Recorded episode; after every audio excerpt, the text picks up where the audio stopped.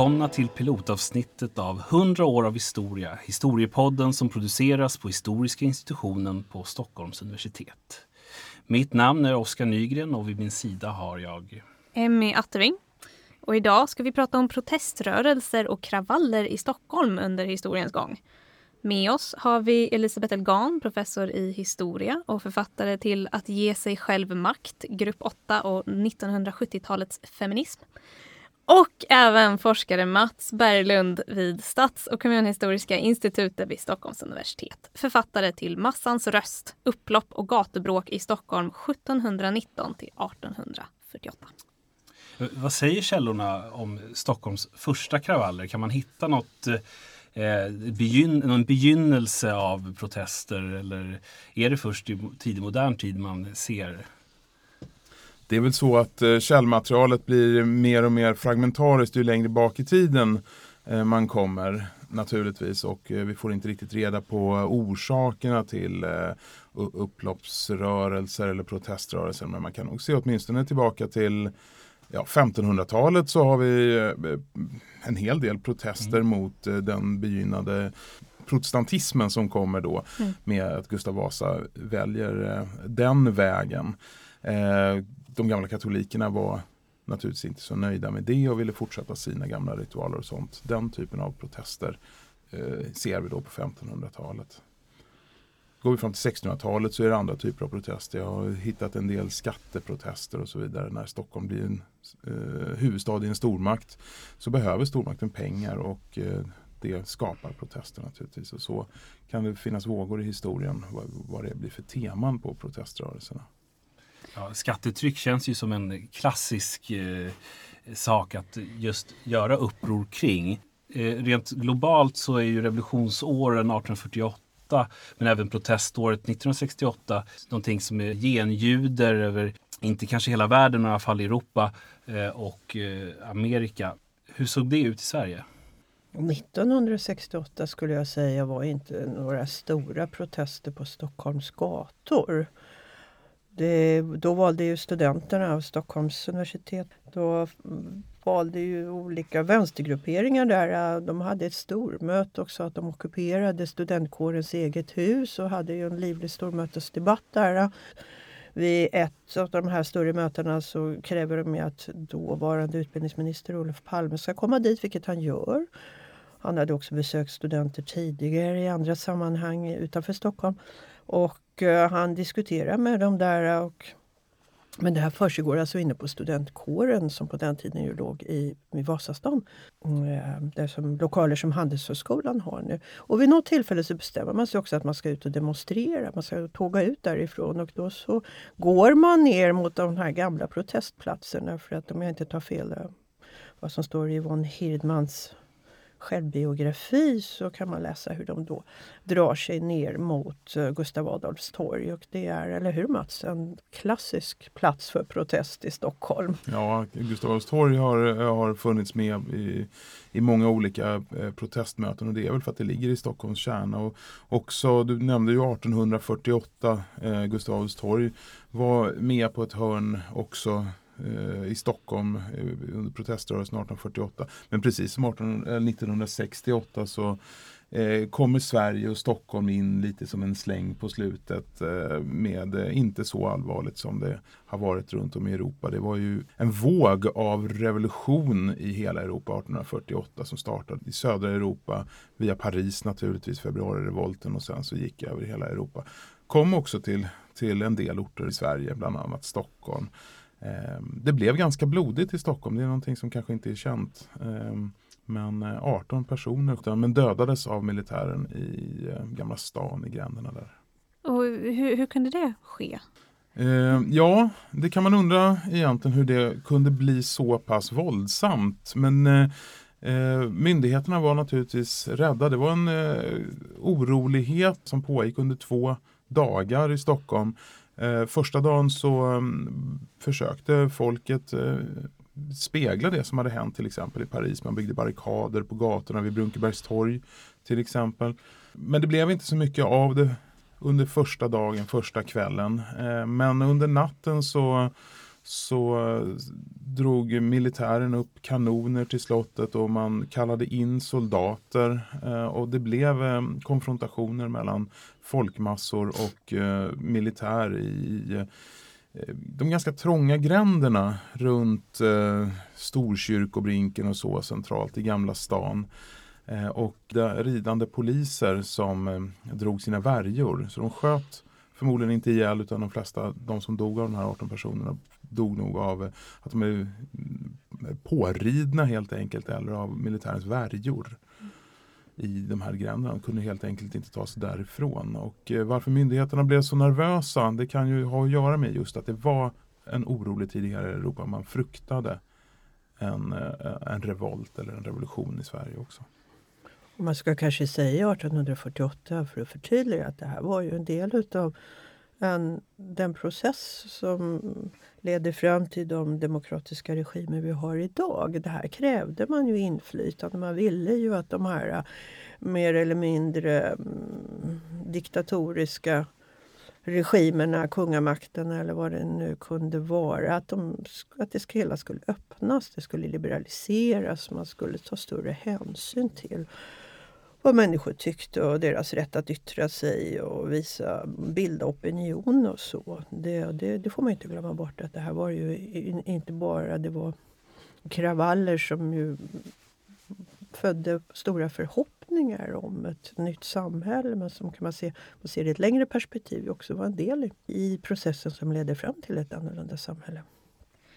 Ja, precis. Ett upplopp eller en kravall kan ju vara ganska förödande. Är det receptet på en framgångsrik protest att det ska, det ska ske under våldsamma former? Eller? Om vi säger ja, Mats, vad blev efterspelet där? 1848 är det 18 personer som då rids ihjäl eller sticks ihjäl. De här folkmassorna hade ändå uttalade um, ett uttalat mål. Man hade till exempel satt upp eh, lappar runt om i stan där där man ville att eh, folk skulle samlas och då var det på Brunkebergstorg som ju kanske vid den tiden var lite av eh, Stockholms hjärta eh, i nöjeslivet och så vidare. Ehm, med, med parollen eh, allmän rösträtt eller allmän valrätt som man, som man sa. Och, eh, man ville också le, leva republiken skrev man så att det var ju eh, ett, hot, ett direkt hot riktat mot kungahuset. Ehm, det där dröjde ju naturligtvis sen innan vi fick den här allmänna rösträtten eh, såklart. Så att någon direkt effekt eh, av det här kan man nog inte säga. Men jag skulle också vilja eh, säga att det, det finns flera sådana här exempel genom historien där det har varit ganska våldsamt och eh, det i sin tur har lett till att det har blivit en lugnare period efteråt, att det har liksom blivit en chock och att samhället eller staden har försökt läka under en längre tid. Ett jättebra exempel är ju mordet på Axel von Fersen 1810 som eh, blev väldigt våldsamt. Alltså, dels det här att eh, Axel von Fersen som deltog i en begravningsprocession eh, för den då eh, nyligen döda kronprinsen Karl August. Han blev utdragen ur sin vagn brutalt ihjälslagen, mördad och under en ganska lång och utdragen hemsk process. Efter mordet så urartade det också till våldsamma kravaller. Eh, och det var nog inte riktigt vad någon hade förväntat sig.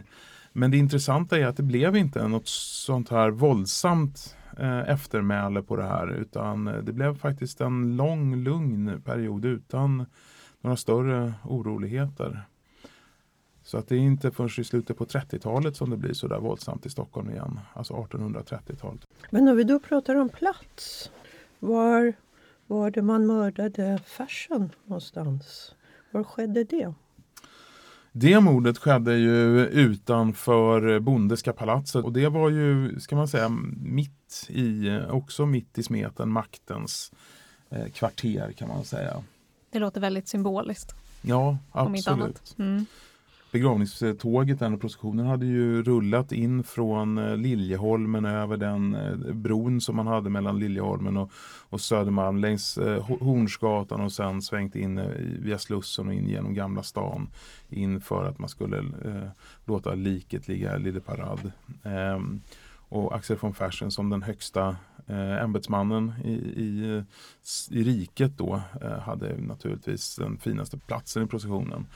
Eh, och eh, där när det kom in till Gamla stan och processionen skulle svänga upp mot slottet så, så blev hans vagn stoppad och han blev utdragen ur sin vagn. Men det är ju naturligtvis viktigt att det är eh, centralt.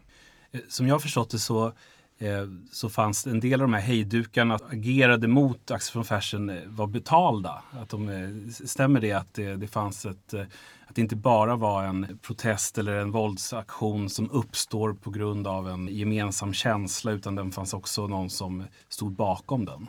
Det är väl lite oklart om det eh, var så eller inte. Det, det, det, framkom ju möjligtvis i den rättegången att det kan ha varit så. Det där är ju i sådana fall inte den enda det enda tillfället som det skulle ha skett i sådana fall. Eh, vid mordet på Axel von Fersen så var det en ganska uppiskad stämning i, från tidningarnas sida. Tidningarna hade skrivit om eh, Fersen som och hade utmålat honom som orsak då till, till den här kronprinsens ganska plötsliga död på ett eh, eh exercisfält i Skåne. Men vi, har, vi kan se den, eh, det här med betalda upploppsdeltagare från det sena 1700-talet också. En, en orolighet som uppstod eh, i samband med att eh, Gustav III försökte förmå adelståndet att rösta för pengar till det pågående krig, ryska kriget som, som Gustav III förde. Eh, adeln var ju motståndare och då finns det tydliga tecken på att han lät eh, polischefen Henrik Liljensparr dela ut pengar och kanske brännvin och mat till folket runt eh, i Stockholm, då, bodbiträden och andra som skulle kunna ha fått sånt för att samlas utanför Riddarhuset där då adeln skulle ta det här beslutet just då. Eh, det kan ha varit möj möjligt men det, man gick aldrig till botten med det naturligtvis i en utredning. Det kan ju ha att göra med att det var kungen själv som skulle varit föremål för den utredningen. Så det är klart att det gjordes inte riktigt. Men det finns sådana eh, indicier på att det har varit så. Men det här har ju inte varit det vanliga. Det vanliga har ju varit att protester har uppstått och organiserats i den mån de har organiserats av andra skäl, inte för att man har någon som har manipulerat, eller hur? Vi tänker på Krusenstorpska kravallen 1838.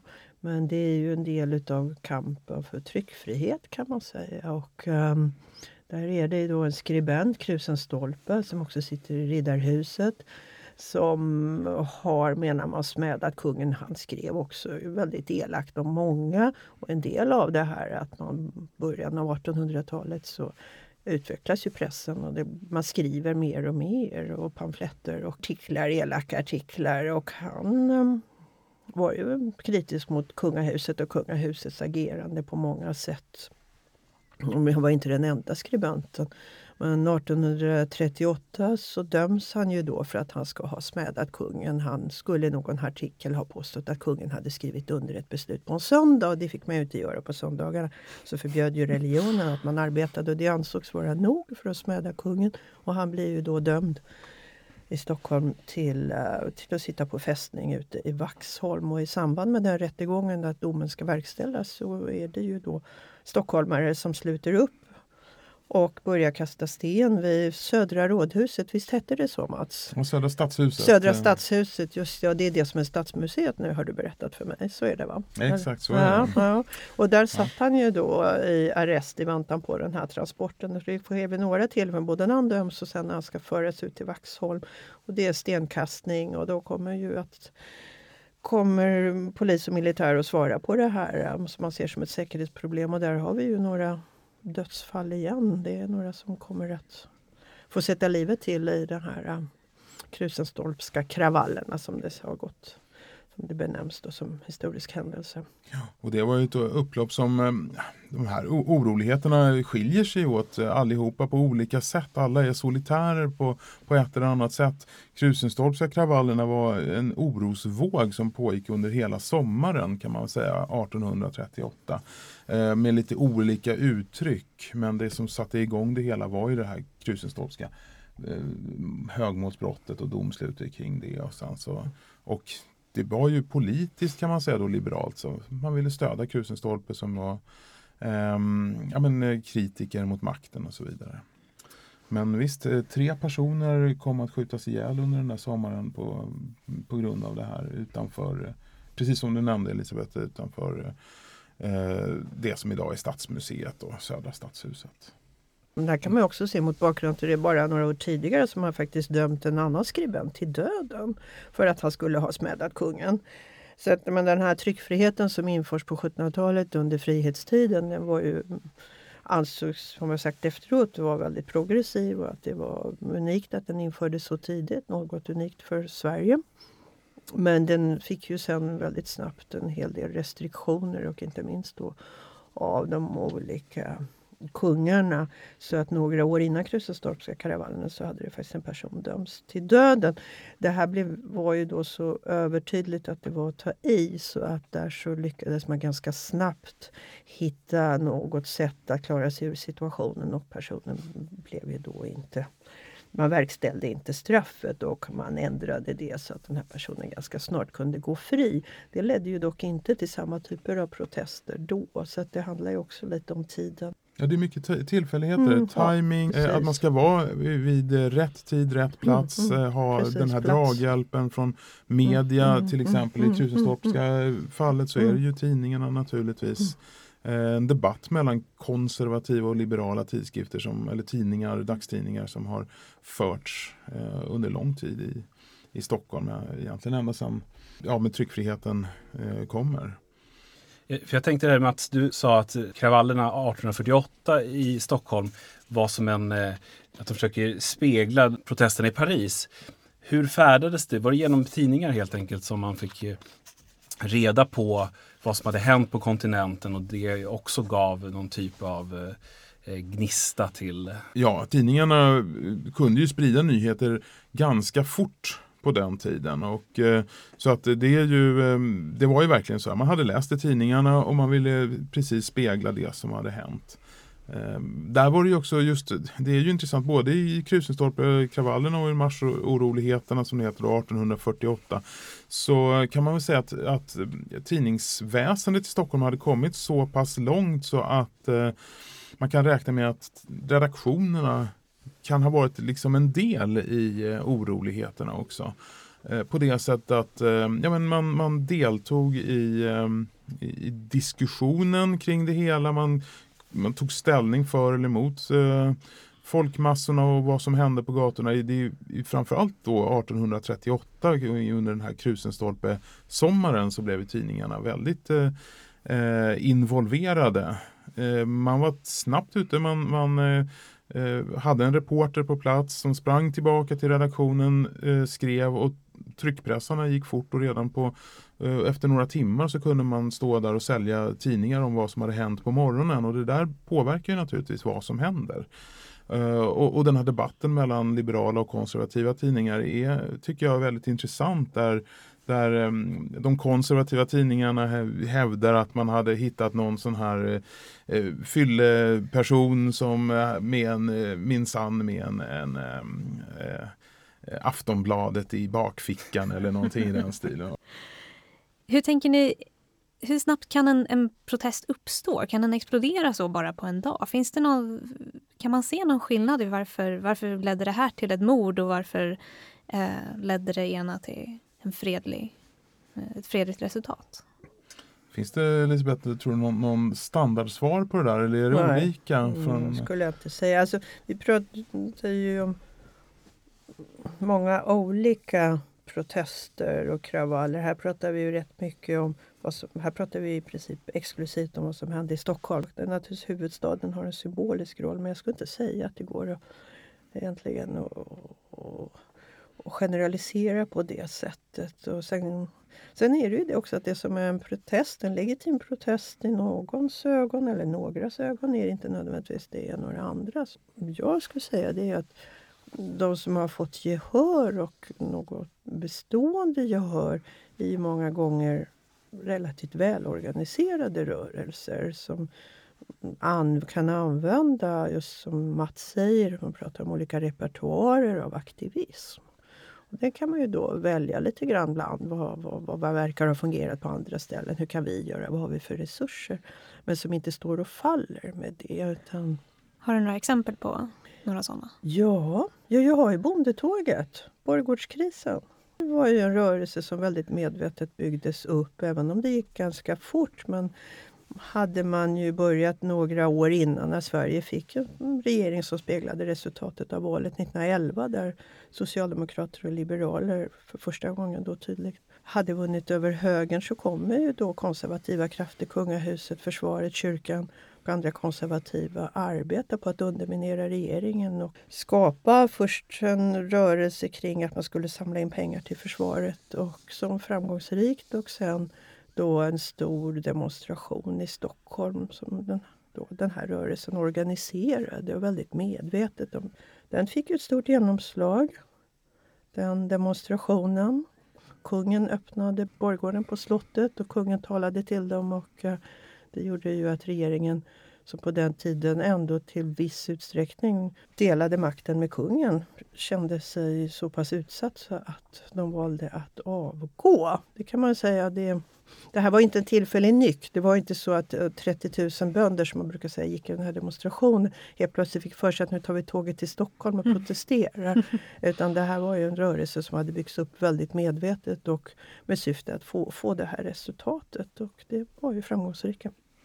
Dalupproret? Ja, ja. ja, det brukar man också säga var bönder. Ja, Hur var, var det egentligen? Ja, ja, precis. Det var ju, det var ju 1743 eh, som, som 5000 eh, dalbönder, eller hur många det nu kan ha varit, eh, tågade till Stockholm.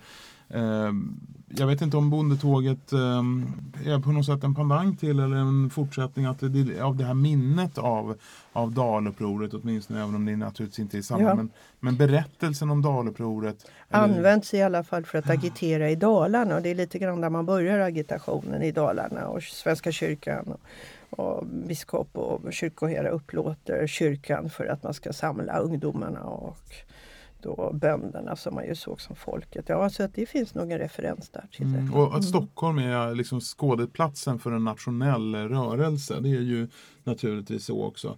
Eh, de flesta då 1743 kom ju från Dalarna och kom lite från andra andra landskap också.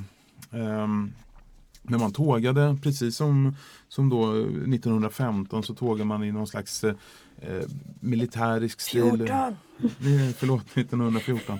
eh, I någon slags militärisk stil i, i ordning och så vidare. Det var militären som var förebilden för hur man marscherade och tågade och så vidare. Och det var ju också ordning och reda var ju dygd. Eh, och det förstod man ju naturligtvis att ska det, vara, ska det fungera så måste man visa intern disciplin. Eh, och man lyckades ju eh, ta sig in till centrala Stockholm eh, och barrikadera sig eh, på Gustav Adolfs torg. Eller det som då hette Norrmalmstorg men det heter Gustav Adolfs torg idag.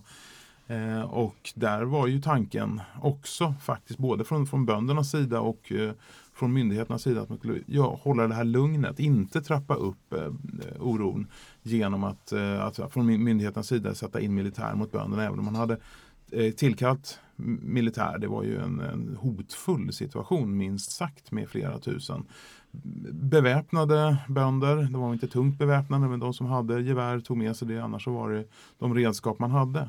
Um, nu lyckades man inte, man, man satt och förhandlade och det är också en sån här eh, typisk eh, eh, strategi att man förhandlar med ledarna för upploppen. Och I det här fallet så satt man och förhandlade i något rum. Eh, I andra fall så när det var mer upploppsliknande så kunde man förhandla eh, med, med no, någon självutvald ledare ute på gatan helt enkelt medan oroligheterna pågick och de där förhandlingarna kunde sluta lyckligt. I det här fallet så, så mitt under förhandlingarna så så var det eh, ändå så att någon av de här kanonerna som, som bönderna hade, hade råkat eh, knipa från, eh, från militären råkade gå av. Och, och det blev startskottet för, att, för militären. Att, bokstavligen? ja, bokstavligen alltså startskottet. Även om den här kanonkulan förmodligen inte trillade ner på något farligt ställe utan nog i, i strömmen eller så, i vattnet. Men men det blev mer eller mindre ett ganska blodigt slagfält där på centrala Stockholm under några timmar. Mandalupproret det var ju för att de inte ville betala mer för att landet skulle kunna gå i krig, eller hur? Det var det det handlade om. Va? Det mm. handlade om det här med skatter. De tyckte att de hade betalat nog under Sveriges stormaktstid. De hade både bidragit med soldater och de hade bidragit med skatter. Och det här är ju frihetstiden men det fanns ju två falanger, hökar och duvor hattar och mössor. Och det är väl här som Dalupproret kommer in. De vill inte att man ska ta upp skatt för krig. Det är det de är emot. Mm. Jag tänker om man jämför med bondetåget, det är ju tvärtom. Mm. Där har ju de konservativa krafterna arbetat för att bönderna då, som man något tillbakablickande, det fanns ju ingen ståndsriksdag längre, men som man lite grann vill säga, det här är Sveriges äkta folk, det är bönderna de är beredda att betala mer skatt, för det var frågan man hade ställt till dem. Är ni beredda att betala för att Sverige ska få ett försvar och inte då som Liberalerna och Socialdemokraterna med att det här kostade för mycket. Det fanns sociala reformer som var viktigare. De var inte försvarsmotståndare som det framställdes, men de ville ha en annan, för det en annan prioritering. Då är det ju så att använder man de här bönderna för att säga att vi ska betala skatt för försvaret. Så det är lite motsatt där. Ja. Eh, du Mats pratade om att man förhandlade med upprorsmännen. Var det statsvakten eller var det militären eller var det, vilka, var det politikerna i stan? Vilka var det som eh, förde samtalen med eh, de som hade kommit in i staden? Ja, det är en intressant eh, fråga för att det, det, där kan man se att det var ofta de allra högsta eh, tjänstemännen i staden eller i, det kunde vara den högsta militärledningen, alltså den högsta befälhavaren Eh, polischefen, det var inte vilken polis som helst då, utan det var polischefen, det var överståthållaren, underståthållaren eh, som var ute och förhandlade. Så att man skickade egentligen fram det tyngsta man hade gärna. Eh, kungen eh, deltog, ja faktiskt eh, till, vid ett tillfälle och det var just vid marsoroligheterna 1848 så red kungen själv eh, ut och mötte mötte demonstranterna eh, och med sig hade han sina fyra söner också. Eh, och förhandlade med demonstranterna. Så, att, så att, eh, man kan säga att det är de högsta, högsta man hade att tillgå.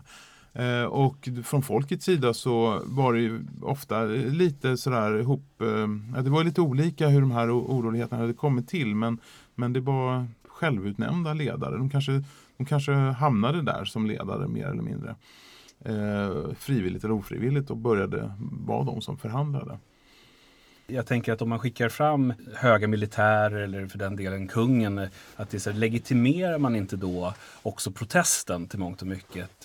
Under 1700-talet så valde man ofta den här vägen att, att förhandla. Man fortsatte då under, under 1800-talet med en liknande men det här 1848 då visar så kanske det var eh, man, att man inte var riktigt lika entusiastisk från eh, myndigheternas sida och från kungens sida här att, att faktiskt eh, tro på förhandlingslösning. Utan man, kungen hade ridit ut och förhandlat och pratat med folket och folket hade skingrats och hurrat för kungen och så vidare. Eh, men inte desto mindre så, så eh, gav kungen eh, själv då, Oscar den första i det här fallet, eh, order om att eh, faktiskt eh, militären skulle skjuta eh, mot folksamlingar och rida ut i sådana här chockräder och så vidare dagen efter. Jag, jag kan inte riktigt svara på om eh, din fråga där om, eh, om det, man var orolig att ge legitimitet. Det är ingenting som tyder på det vid det tillfället i alla fall. Utan det som snarare att det, man hade sett att det hade lyckats. Eh, och man kan jämföra med andra städer i Europa där man inte har gjort så. Köpenhamn är ju ett jättebra jämförelse. Eh, som har haft en hel del eh, ganska stora och väldigt våldsamma oroligheter under 1700-talet där folk faktiskt dör i, i konflikter mycket högre grad än i Stockholm.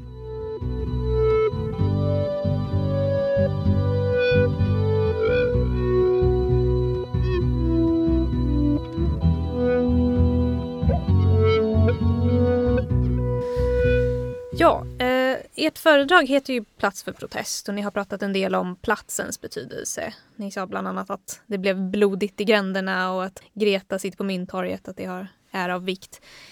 Kan ni utveckla lite om, om just platsens betydelse?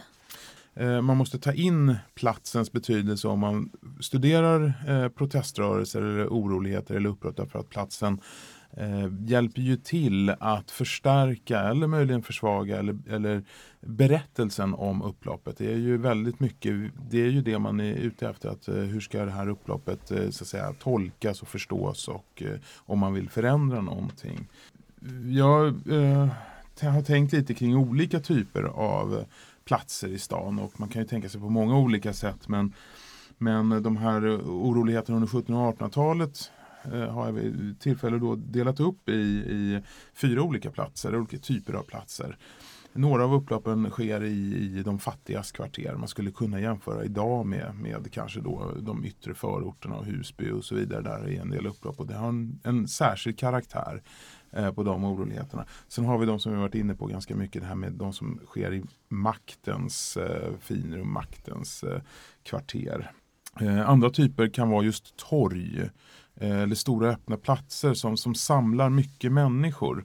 Eh, det är den typen av, av proteströrelse när man vill ha mycket människor och den här stora folkmassan. Då kan man ju inte ställa sig var som helst utan då är det ju på torg och de är ofta liksom förberedda att det ska, det ska hända någonting där. Till exempel det här med 1848 när det var eh, plakat uppsatta att man ville samla folk på Brunkebergs torg. En tredje typ av plats, eh, också från 1848, eh, dit kanske militären tryckte in upploppsdeltagarna, nämligen ner i gränderna och gator och, och så vidare. Men då var det ju de som så att säga valde platsen och inte upploppsdeltagarna som valde de här gatorna och gränderna. Så de fyra typerna av platserna har jag laborerat lite med. Exempel? 1719? Ja, 1719 är ju ett eh, intressant eh, upplopp eh, som pågick i par dagar. Eh, det är ju 300-årsjubileum snart om man, nu, om man nu firar jubileum på, eh, efter eh, våldsamma oroligheter. Det vet jag inte. men det är i sommar då, i sådana fall. I början på juli 1719 så uppstod en orolighet, ett upplopp i de fattiga kvarteren och i det här fallet så var det Eh, Eh, uppe på Söders höjder eh, vid glasbruksgatorna. Eh, idag finns ju en glasbruksgata kvar men tidigare fanns det stora och lilla glasbruksgatan. Sen sprängde man för Katarinavägen upp. Men där uppe i närheten av Katarina kyrka så bodde väl stadens fattigaste för det var ganska oländigt att ta sig dit. Det fanns inga brunnar där uppe, man fick konka vatten och så vidare. Så de rika, de som hade medel valde att inte, de kanske valde att bo nere i stan istället, lite mer centralt. Där uppe så eh, fanns det en hel del, vad ska man säga, troligtvis då illegala krogar. Eh, något som man skulle kunna kalla för bordellverksamhet också. Och Det var det som de boende där troligtvis eh, då reagerade emot. Det är inte helt säkert att det är de boende som, som eh, gjorde upproren där men det är den typen av, om man tittar på titlarna, de som bodde där, det är den typen av titlar. Det är eh, båtsmän och det är lärlingar och det lägre, eh, de lägre skikten av Stockholms befolkning. Eh, som, som, eh, som finns i rättsmaterialet i alla fall. Som man kan hitta i domstolsprotokollen och och i förhör och så vidare i polis. Eh, men det, det som hände var att eh, man eh, det började på en krog eh, som heter, eller kallades för Grålusen. Mm. Ett spännande namn för en krog. Tjusigt. Eh, ja, verkligen. Eh, förmodligen någon form av omskrivning av en, den som ägde huset från början en folkmassa samlades där. Det hade börjat som, en, som ett eh, slagsmål inne på krogen som blev liksom gnistan som fick det här att tända till. Men sen så samlades det människor runt omkring och som tryckte sig in i huset och förstörde inredningen. Eh, och eh, det hade väl inte varit något speciellt om det hade stannat där men, men eh, det fortsatte. Det där var första kvällen. Sen fortsatte det kvällen därpå med grannhuset eh, som eh, fick samma öde då. Att man, folksamling samlades utanför, kastade sten på fönstren och efter ett tag så gick man in i det huset, slog sönder inredningen och så vidare och sen gick man vidare till ytterligare ett hus eh, i närheten och så vidare. Så att eh, Totalt sett så var det 13 hus som slogs sönder, där inredningen slogs sönder på det här sättet och eh, tre av dem var i Gamla stan också och där är det ganska tydligt att det var just eh, bordeller som man var ute efter för mm. att eh, det, det omtalas på flera håll i, i förhören att det var på det sättet. Och det här skedde alltså under olika nätter så man tog en, man tog en paus under dagen helt ja. enkelt. Och sen så, fortsatte man. Ja, precis. Man jobbade på dagen alltså, sen på mm. kvällen så gick... Ja, det var fredag, lördag, söndag i alla fall. Mm. Så att, ähm, ja, och man arbetade. Ja, och det började egentligen med ett krogslagsmål redan på torsdagskvällen. Mm. Men, men det var på, på kvälls, kvällstid vid solnedgång och sånt där, eller strax innan som det, som det började. Pågick under ett antal timmar. Eh, polisen som var väldigt, eh, alltså det, man, Stockholm hade väldigt eh, klent utrustad polis, eller det var statsvakter då. De kunde nog inte riktigt ingripa. Men sen var det det här med att det fanns militär i stan som man skulle kunna ha satt in, men man valde att inte göra det. Och det var nog lite med det här med att man, man ville inte trappa upp våldet helt enkelt. Men vad var det här kopplat till? Nu blir jag lite nyfiken för det här är ju en ganska ändå okänd händelse i, i, i Stockholms historia, i alla fall för mig. Jag menar, är det religiöst motiverat? Det verkar ju inte ha att göra just med skatter och krig, eh, försvar och sådana frågor jag varit inne på som då har lett till, till och demonstrationer och, och upplopp. Utan om du säger att, att man, man är emot krogar och bordellverksamhet som måste man ju uppfatta det som störande på något sätt. Så vad, vad, vad var motivet? Det, det är en väldigt svår fråga att svara på för eh, källmaterialet ger återigen inte de svaren därför att eh, det, det bevarade materialet är huvudsakligen då rättsmaterial. Och man frågar inte varför eh, folket gjorde det här utan man ville egentligen bara ta reda på vad som hade hänt och vilka man skulle straffa och eh, vad man skulle straffa dem för. Så att det går egentligen bara att spekulera men man måste, om man sätter in det i tiden här, eh, 1710-talet, så kan man säga att det här var inte en av Stockholms allra mest glansfulla perioder. Eh, vi hade haft en pestepidemi eh, 1710-1711 som eh, många människor strök med. Det här var i slutet på eh, ett krig som gick väldigt dåligt, Stora Nordiska kriget.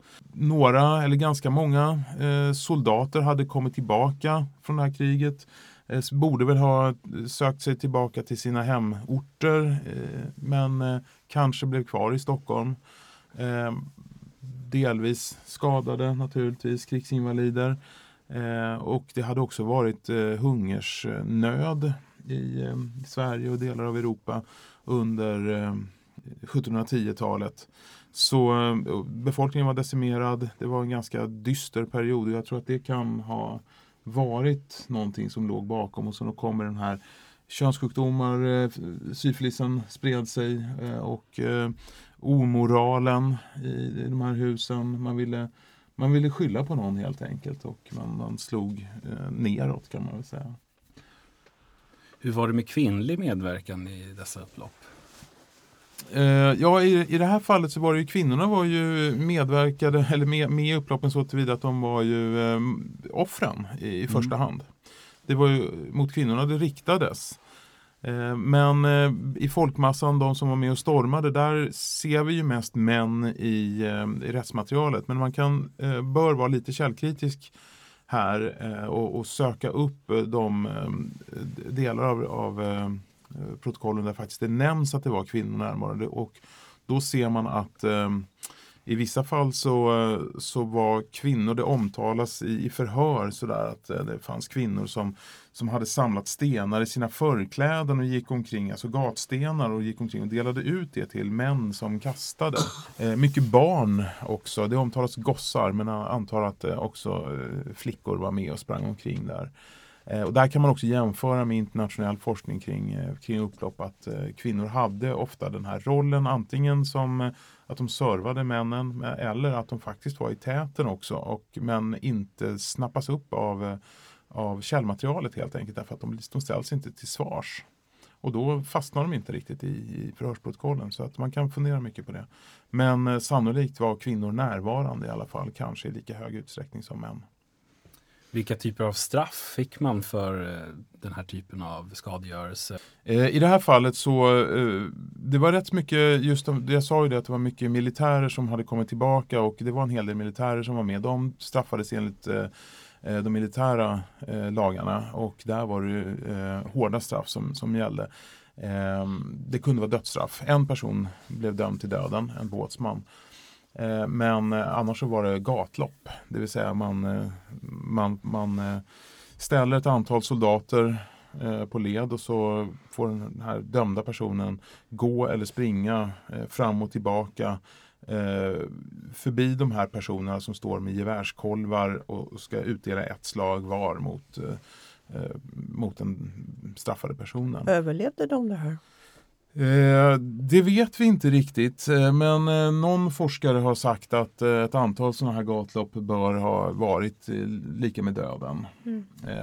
Men jag har inte undersökt det vidare om just de här fallen, om de bestraffade överlevde.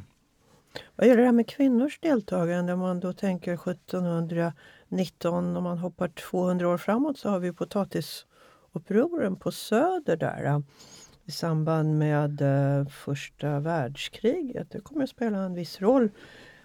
Kan man till med att det var inte bara i Stockholm då som det här skedde men där spelade ju kvinnor en framträdande roll och det är väl oftast i rollen av mödrar som ska se till att det finns mödrar och husmödrar, att det finns mat på bordet som man oftast har velat ha lyft fram kvinnors medverkan i, i revolter och kravaller och så. Så där brukar man understryka att de var de som startade då potatisupproret. Det var ju då brist på mat och man brukar ju också berättas från andra delar av Sverige om liknande och kvinnor som agerar där. Så någonstans så handlar det nog också om att man gärna vill se kvinnor i den rollen när det är uppror och att det är en roll som de får ta, som de tillåts ta när det handlar om att det inte finns mat och att man kan då agitera i brödkön eller något sådant för att här måste vi säga ifrån. Men det kommer ju att spela roll för det faktum att man kanske lite snabbare och under andra former än man hade tänkt sig både gav en utökad rösträtt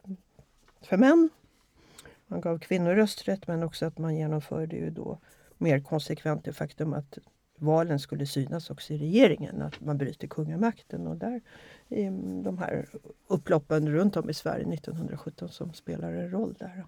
Att kvinnor är drivande i eh, brödupplopp och matupplopp visar internationell forskning också. Det finns ju väldigt mycket ja. sådana exempel från England, mm. Frankrike mm, mm, och så vidare. Så och jag skulle ju hävda att det som händer är att de kan mycket väl ha varit med på andra andra upplopp och kravaller men att här är det, ses det som legitimt. Så här kommer man att verkligen lyfta fram kvinnorna och kanske i mindre utsträckning männen då. För här mm. gör de någonting som är väldigt liksom, svårt att kritisera. De ska ju ha mat på bordet till sina barn och till sin familj och det har jag ses nog kanske fortfarande som en viktig uppgift för. Kvinnor synliggörs ja, helt enkelt i, ja. på, på det sättet, så är det. Men där har vi ju en plats där, där är det ju gator och gränder igen. Där med potatis roret på Söder. Det är Kocksgatan om jag inte tar fel. Mm, vi har ett annat exempel faktiskt som skulle kunna eh, kategoriseras som ett tidigt brödupplopp eh, eh, i slutet på 1700-talet, 1799 på hösten, tidig vinter där eh, utanför eh, fattighuset vid eh, Maria kyrka. Eh, där eh, uppstod det någon form av eh, jag ska inte säga upplopp men snarare en skärmytsling, större slagsmål, bråk Eh, Eh, det är också ett sånt här hungerår i hela norra Europa. Eh, och, och ehm, folket hade samlats utanför det här fattighuset. Egentligen hade det inte med fattighuset att göra i sig utan man hade samlats där därför att Eh, det här var på eh, kronprinsens eh, födelsedag och då enligt en donation så, så kunde fattighuset ställa till med en liten fest inne i huset och också en så kallad illumination av huset. Man, man satte upp lyktor och, och marschaller och sånt utanför och det blev en folksamling ungefär som att det hade varit fyrverkeri idag skulle jag säga. Folk gick dit för att titta, det hände någonting och det var roligt. Så det var mycket folk på plats ehm, och kanske på grund av att det var eh, svåra tider så, så tog man tillfället i akt när det kom ett, eh, en, en bonde med en hölass helt enkelt. Man stoppade den här bonden, välte hölasset eh, och, och eh, sen började man ja, leva eh, ut sin, sin frustration där. Man tog kärvar av det här höet och doppade i eh, leran i gatusmutsen där och, och, kastade på varandra och så kom polisen och då började man kasta på polisen också kom polismästaren eller polischefen kom och så kastade man på honom också. Eh, och, och, i det fallet så var det faktiskt till och med överståthållaren och underståthållaren som kom båda två dit och, och fick också en hel del eh, stryk där. Men, men, det, men det löste sig på, på ett bra sätt faktiskt just genom den här eh, förhandlingslösningen. En, en, delegation från de här bråkiga eh, stadsborna eh, började samtala med överståthållaren där. Och så kom man överens om att ja, men nu lägger vi ner det här. Och så skingrades det och det, det blev inte mer av det än så faktiskt. Eh, men ett intressant eh, tillfälle i alla fall. Hur var det med kvinnor där då? Är det? den kravallen. Ja, märkligt nog omtalas inga kvinnor så att det är svårt att Mm. säga. Det måste Mm. ha varit kvinnor närvarande. Men ingen av dem som Mm. döms, ingen av dem som omtalas eller överhuvudtaget eh, nämns är kvinnor. Så att det är, Man kanske får- inte vill beskriva kvinnor som mm, spöar upp poliser med halm doppat i lera. Mm. Nej, Det precis. Och kanske inte passar bilden man har. Det finns ju en sån teori också om att polisen inte vill eh, arrestera eller gripa kvinnor just för att det är, de är rädda för att förlora ansiktet. Mm. Eh, eftersom könsordningen i säger att, eh, att De ska skydda kvinnor. de ska skydda kvinnor och så vidare. Så. Men det, vet- det vet vi ju inte. I vilket fall som helst så försvinner ju kvinnorna från källmaterialet och det är ju det. Där får man ju vara, får man ju värdera källorna helt enkelt. Och ni, har ni några exempel på en kvinna som faktiskt döms för det här? På 1970-talet, om vi nu hoppar fram, så är det ju så att då den här äh, feministiska Stockholmsgruppen, grupp 8, som ju var av ett nytt slag, som var en Stockholmsgrupp som bestod av många unga kvinnor som till skillnad då från de feministiska grupper som redan fanns och som hade funnits sedan 1800-talet var ju mycket mer utåtagerande, mycket mer radikal. De ville ju vända sig under en period mot porrindustrin som de sa. Det innebar i princip att de vände sig mot de sexshoppar som då fanns en hel del av i Stockholm som de uppfattade det. Det är ju någonting som sen har försvunnit ur gatubilden.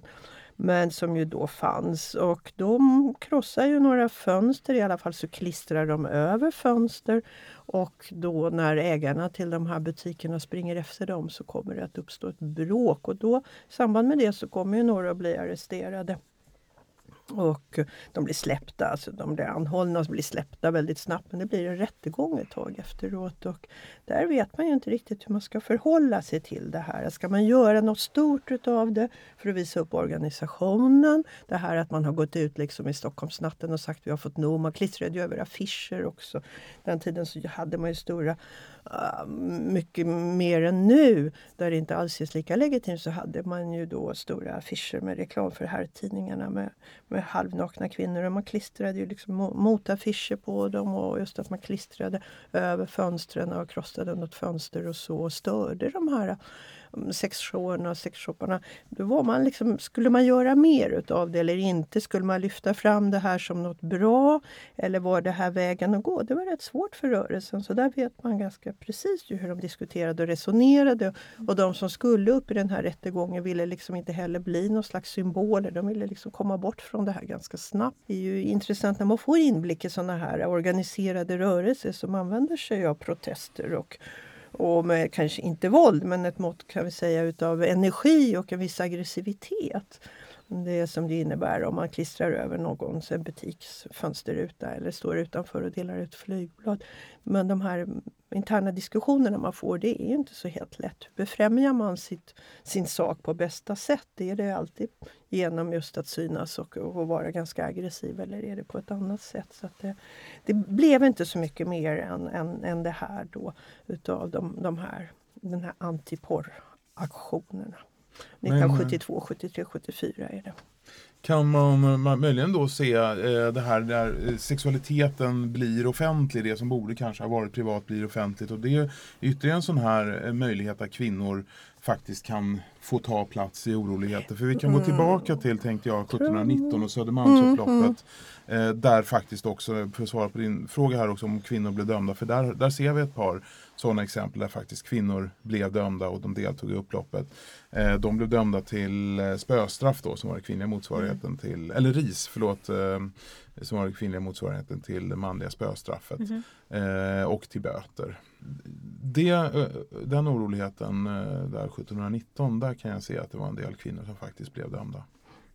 Nej, jag skulle nog inte säga att det finns någon direkt koppling utan det här att bekämpa porrindustrin det är en fråga som den här gruppen av feminister väljer. Och det, I Norge är det också en stor fråga, det är inte det i alla länder. Men det är också för att man är en del av vänstern och vid den här tiden så vill man ju fundera hur kan man bäst bekämpa kapitalismen och då kommer man, tänker man ju men att kvinnor utnyttjas i porrindustrin och porrindustrin det är ju kapitalismen tänker man. Så då väljer man det liksom, som strategi att, att nu ska vi arbeta med de här frågorna.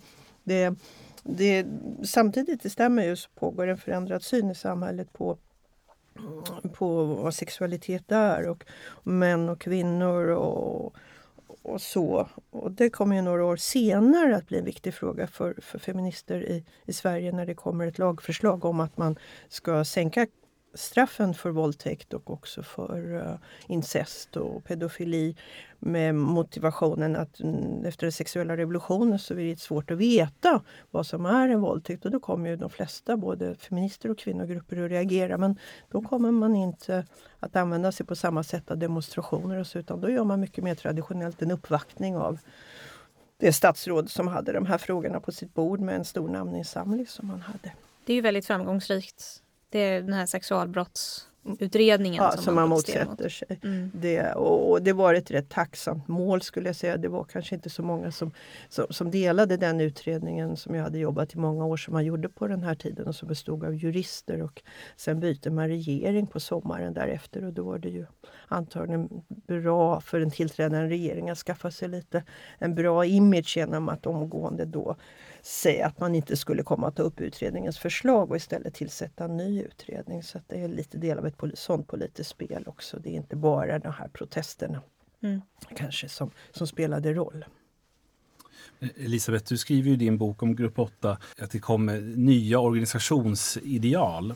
Det är ett sätt att försöka bryta ner gamla hierarkiska strukturer på hur man organiserar sig eller Ja, jo, men så var det ju. Det gäller ju överhuvudtaget och på 1960-talet skulle jag säga. Och de kommer ju, man är inspirerad lite av medborgarrättsrörelsen i USA och det här att använda just gatan och iscensätta sig själv på ett annat sätt. 1900-talet och 1800-talet är organiseringens tid. Och och eh, både fackföreningar och politiska partier, även om de är till vänster, även om de vill protestera, även om det är emot samhällsordningen, så gör de under väldigt ordnade former. Man väljer en mötesordförande, man har ett protokoll, man diskuterar, man fattar beslut och så vidare. Och nu kommer ju då istället ett, ett önskemål om att, att, att protester något ska lite mer iscensättas och på så sätt ska man vinna gehör för det. Så att man kommer ju att utnyttja, det gör ju inte bara de nya feministerna, men att utnyttja gaturummet för att, att, att då iscensätta de här protesterna på ett annat sätt. Man kunde hämta referenser, just det som jag pratat om, det finns som en repertoar. Man kunde hämta referenserna från USA då, man kunde göra ett sit-in, alltså att man sittstrejkar lite grann, man gör en sittande demonstration. Men man kunde också låta som en referenser till ryska revolutionen och bilder från andra revolutioner eh, just efter första världskriget ute i Europa så kunde man ju ha snygga fanor som liksom skulle då vinden skulle få, få, få fart i och färg och sådana saker. Så att där hämtar man ju det. Men, men visst, man bryter ganska tydligt med det här eh, ska säga, väldigt välordnade föreningsväsendet som under lång tid ju låg till grund för, för politiken i ska vi säga, alla mm, de demokratier som liknade Sverige. Och det här kommer ju, det är en internationell våg att man, att man gör så. Man inspireras. Och, man är emot Vietnamkriget och man inspireras av det som har gjorts i USA. Men också sådana demonstrationer som man då ser i, i Berlin, hur man, hur man ska demonstrera och sånt. Vilja rekrytera till rörelsen och få gehör för sina idéer genom att visa sin beslutsamhet i så den syns. Den syns i rummet och inte på ett protokoll som man sen för fram till någon i, i en uppvaktning. Vi har ju pratat om olika platser i stadsrummet. Vi har pratat om Gustav Adolfs torg, Gamla stan och Södermalm. Det finns, men det finns ju många andra platser i Stockholm. Är det något annat, en annan specifik plats som eh, har blivit klassisk på grund av sina eh, protester? Det var ju en ganska ledande fråga. Hörru du. Det, det är självklarhet i Stockholm, om man bor i Stockholm och ska organisera en protest eller en demonstration, det är ju Sergels torg. Det gäller inte nödvändigtvis om det ska vara en riksprotest. Då är det ju gärna riksdagen som, som, som är målet. Men, eh, men är det en Stockholmsangelägenhet så brukar det ju planeras till Sergels torg. Och Sergels torg byggdes som en paradplats. Det byggdes inte för att vara en plats för protest. Men det blev ju en perfekt plats för protest. Man hade börjat riva på 1950-talet. Man ville ha, den fanns inte tidigare den här platsen. man ville att den skulle vara monumental. Man hade visserligen först tänkt att det skulle vara hus. Men så kom man på att vi ska ha en gigantisk trappa som ska leda ner till det här nedsänkta torget. Och ehm, den, den här gigantiska trappan är väldigt inbjudande och passande för att göra protestaktioner. Och så då det här nedsänkta torget som då inte störs av bilar så man kan inte under förevändning att man stör biltrafiken bli stoppad från att hålla protester här. Men i början var det först och främst tänkt att det skulle vara flott. Det skulle vara affärer, det skulle vara liksom lockande, det skulle vara en galleria. Det skulle leda in till en flott galleria. Det var absolut inte tänkt för protest utan det skulle vara liksom en paradplats. Och egentligen de första aktiviteterna där när man börjar öppna 67 65 börjar man öppna för biltrafiken ovanför och 67 börjar det här torget bli klart. Det är att vaktparaden, Kungliga vaktparaden, beridna vaktparaden eller vad det nu heter, börjar utgå från Sergels torg för att visa att nu är det här nya Stockholms centrum. Så det är egentligen först 68 som det blir stort i protestsvängen när Olof Palme ju kommer att demonstrera mot Vietnamkriget tillsammans med Nordvietnams ambassadör och det är på Sergels torg. Det är då man förstår. Det har varit lite mindre också. Mindre uppmärksammade protester av samma art. Men ska vi säga protester från olika vänsterrörelser som har tagit plats på Sergels torg. Och det här kommer ju bara att växa. Det är en utmärkt plats, inte minst också därför att eh, 67 när man börjar tycka att det är lite för mycket kommers och Gunnar Sträng börjar muttra om, han var finansminister då, börjar muttra om att det är synd att man bara byggt bankpalats runt omkring. Man hade fått plats med 1500 lägenheter om man hade velat runt Sergels torg. Då ska man veta att den här första sidan som nu Kulturhuset var ju inte byggd och inte riktigt planerad än. Det, men då kommer en reaktion där 67 och då föreslår Trafiknämnden att man ska ha ett klotterplank på Sergels torg. Det ska alltså inte längre vara det här monumentala gallerian, det här imponerande finrummet. Och sen hänger en folkpartist i kommunfullmäktige på och säger att vi ska ha en speakers corner. Vi ska bygga en estrad där alla får prata och säga vad de vill. Så på något sätt så ganska sent, som man, kanske för att det kommer klagomål på den här kommersialismen, så skapar man faktiskt en plats för protest. Och den förstärks ju för 1971 så har man ju då hunnit bygga det som nu är Kulturhuset. Men det är ju provisoriska lokaler för riksdagen som flyttar ur det gamla riksdagshuset. Kommer att under 15 år ungefär, inte riktigt, vara lokaliserade dit.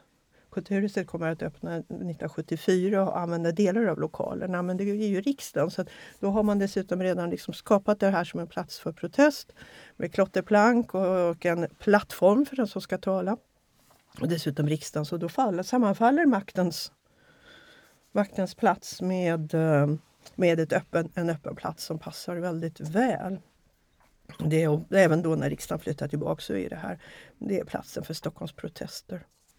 Och det är ju på många sätt en väldigt perfekt plats just. Och, men, men som du sa, precis när, när riksdagen höll till där så var den ju alldeles utmärkt för då var det maktens, eh, maktens rum samtidigt som det var en stor öppen plats. Ett torg som kan samla mycket personer.